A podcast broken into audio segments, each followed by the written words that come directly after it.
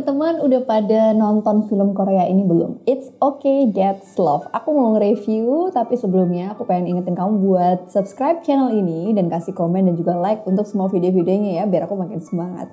Mau nyapa dulu deh. Assalamualaikum teman-teman. Gimana kabarnya nih?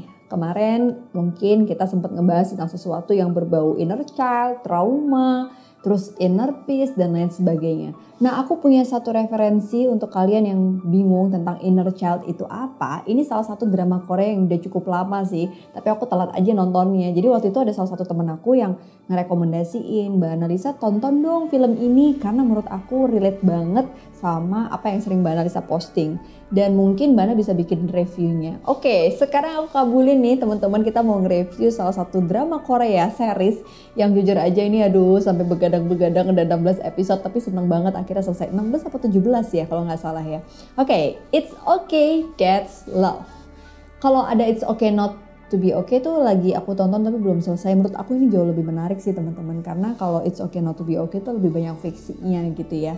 Tapi kalau it's okay that's love itu sesuatu yang menurut aku relate banget sama kehidupan sebagai praktisi kesehatan mental. Aku kayak ngerasa kayak banyak kesepet nih sama cerita dari Ji Hae So, si pemeran yang namanya Ji Hae So ini.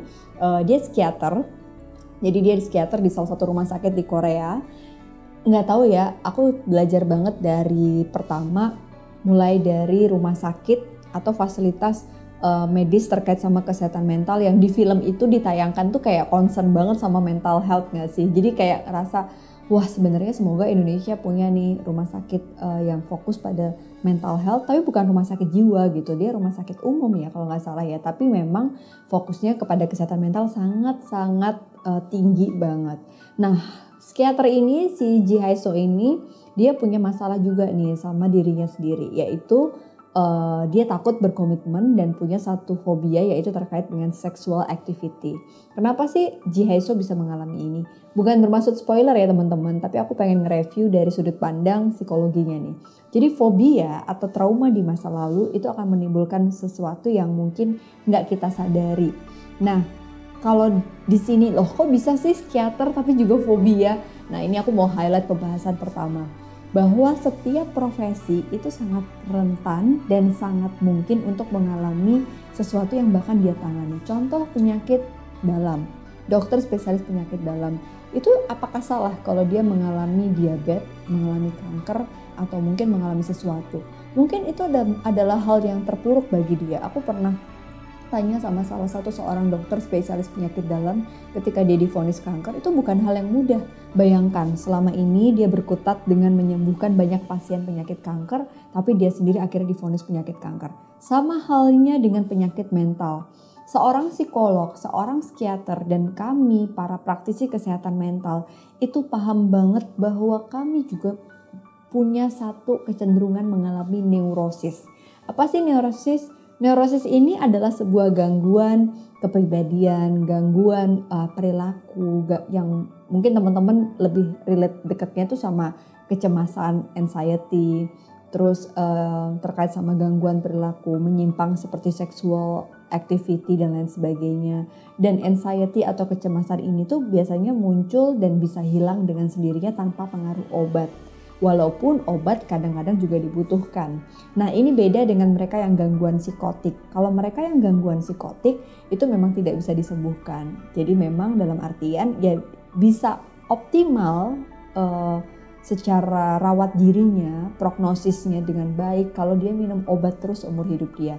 Nah, neurosis ini tanpa obat, teman-teman. Dan bahkan di film ini dikatakan bahwa Ji Hae So ini mengalami neurosis terkait sama seks fobia dia dan ini dimunculkan akibat pengalaman di masa kecilnya yang dia sadari dan dia sedang berproses juga untuk menerapi dirinya.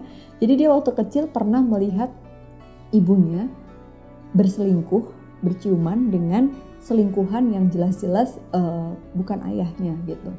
Karena ayahnya Ji So ini mengalami cacat mental, cacat fisik gitu ya.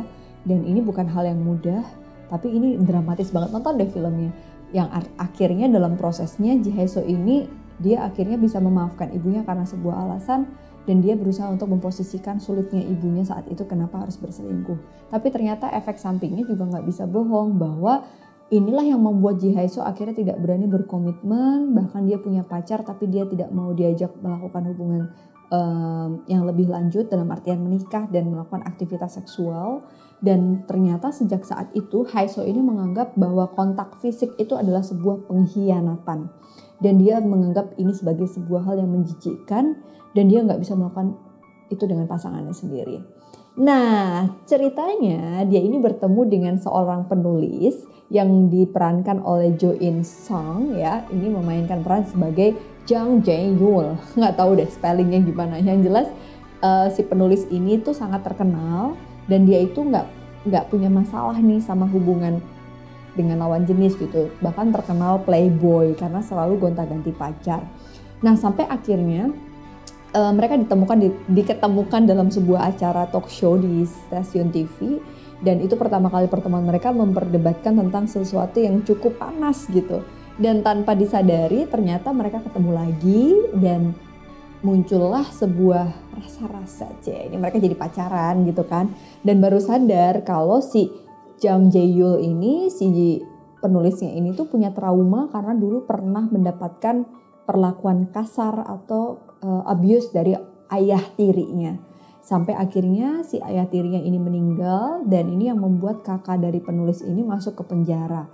Nah, tanpa disadari ternyata di film ini dikatakan ini nih si Jang Jae-yul ini tuh punya satu trauma karena dia sering disiksa oleh ayahnya, ayah tirinya, oleh kakak kandungnya juga sampai pada satu ketika dia e, menemukan kondisi di mana ayahnya ini ditusuk dan saat itu keputusan hakim mengarahkan kepada uh, kakak kandungnya yang harus dipenjara selama 11 tahun.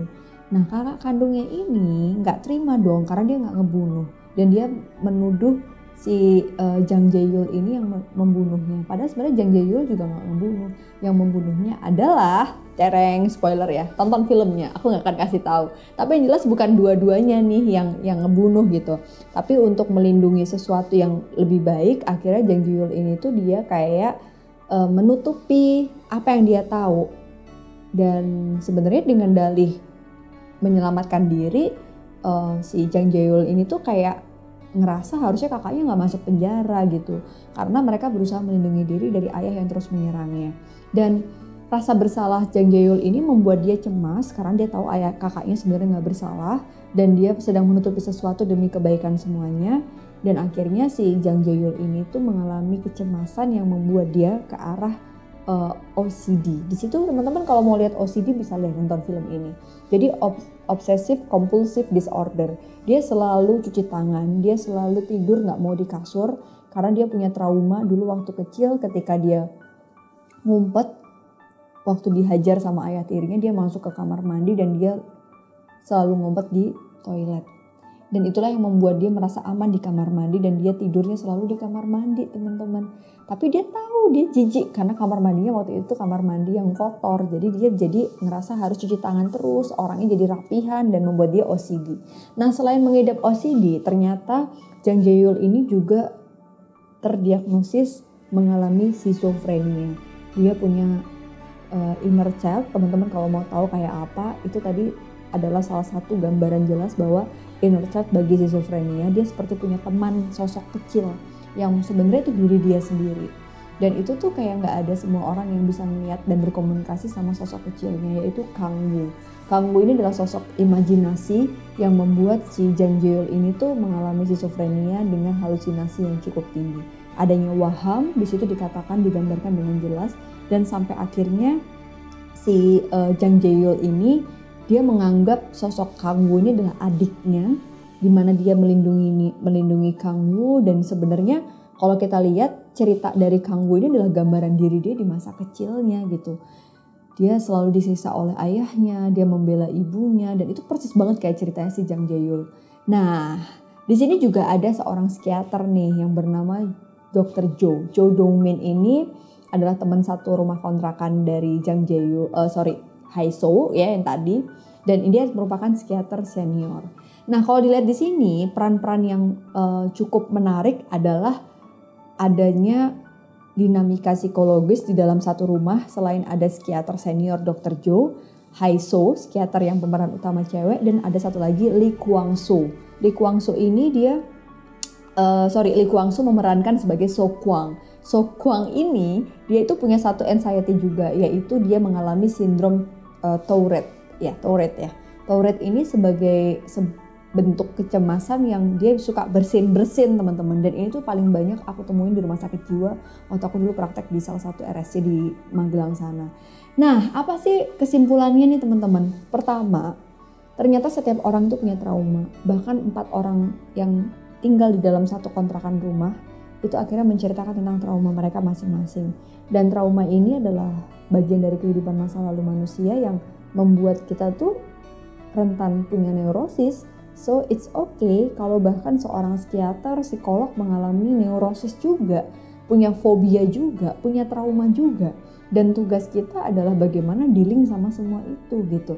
Nah apa sih di, di drama ini ditekankan bahwa ternyata yang berperan adalah penderita itu sendiri. Dalam artian sembuhnya pasien, sembuhnya seseorang yang menderita neurosis atau kecemasan itu adalah diri dia jadi nggak akan pernah bisa mereka sembuh kalau mereka tidak mau punya kemauan sembuh. Itu menarik banget tuh di film ini dikupas habis. Dan penyakit mental itu uh, salah satu yang menurut aku ditekankan dalam drama ini biasanya terjadi karena kurangnya komunikasi teman-teman. Jadi kan ada yang miskomunikasi tentang pembunuhan kak, uh, ayah tiri dari uh, penulis ya, kemudian yang membuat si kakaknya Jang Bom ini masuk penjara dan sebenarnya itu bukan dia yang membunuh dan ternyata masing-masing punya trauma. Terus belum lagi ternyata si Haiso yang trauma melihat ibunya berselingkuh, dia juga uh, tidak ada komunikasi dengan ibunya bahwa ibunya itu ternyata berusaha untuk menyelamatkan masa depan anak-anaknya di mana ibunya juga menderita punya ayah yang cacat mental dan fisik di mana anaknya itu pengen banget masuk ke dokteran dan Presiden Kim yaitu selingkuhan ibunya itu juga punya masalah dengan istrinya yang di mana mereka saling mensupport untuk saling menyayangi pasangan masing-masing dan situasi komunikasi antara ibu dan anak ini juga membuat ternyata yang akhirnya ngebikin Haiso ini berdamai sama ibunya dan memaafkan situasi itu. So teman-teman, aku pengen mengajarkan teman-teman dan juga aku sendiri ternyata pentingnya belajar berkomunikasi pada diri sendiri adalah cara terpenting kita untuk memahami diri kita yang berperan untuk membuat kita tuh terbebas dari neurosis atau kecemasan apa pun dalam hidup adalah diri kita. Dan tugas kita juga selain berkomunikasi dengan diri sendiri, bagaimana kita belajar mengkomunikasikan kepada orang-orang yang kita sayangi.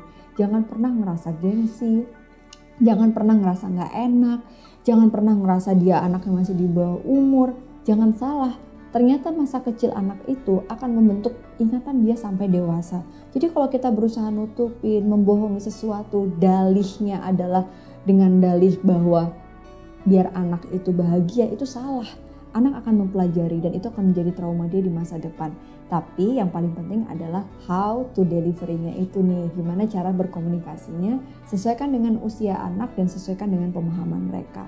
Jadi teman-teman, belajar untuk mengekspresikan diri itu adalah hal yang nggak salah dan justru itu penting banget untuk membuat kita terbebas atau setidaknya berkurang dari kerentanan mengalami penyakit-penyakit mental.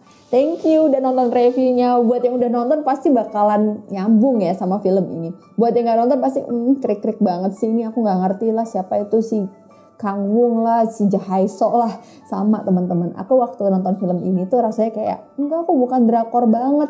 Tapi begitu nonton film ini, aku jadi belajar, oh ini ya, selama ini ada nih borderline personality disorder yang diperankan oleh kakak penulis. Di mana seseorang itu dia sukanya emosi meluap-luap dan kayak nggak bisa menahan diri. Oh ada ya halusinasi di mana inner self itu muncul sebagai sosok yang menemani kita terus. Dan ternyata itu banyak banget teman-teman itu real terjadi walaupun cerita ini pastinya bukan hal yang sebenarnya ya bukan real story tapi fiksi tapi ini banyak terjadi di dalam uh, kehidupan kita Thank you udah nonton Alsa Channel. Kalau kamu suka sama konten ini dan pengen request kira-kira film apa yang mau aku review, hmm kalau ada waktu aku akan nonton deh. Tapi kalau misalnya enggak, kasih tahu dong biar nanti kita akan coba lihat reviewnya kita kaitin sama ilmu psikologi. Karena kadang belajar dari film itu juga membuat kita nggak cuma belajar sesuatu yang sifatnya menyenangkan, tapi juga belajar tentang kehidupan. Dah, assalamualaikum.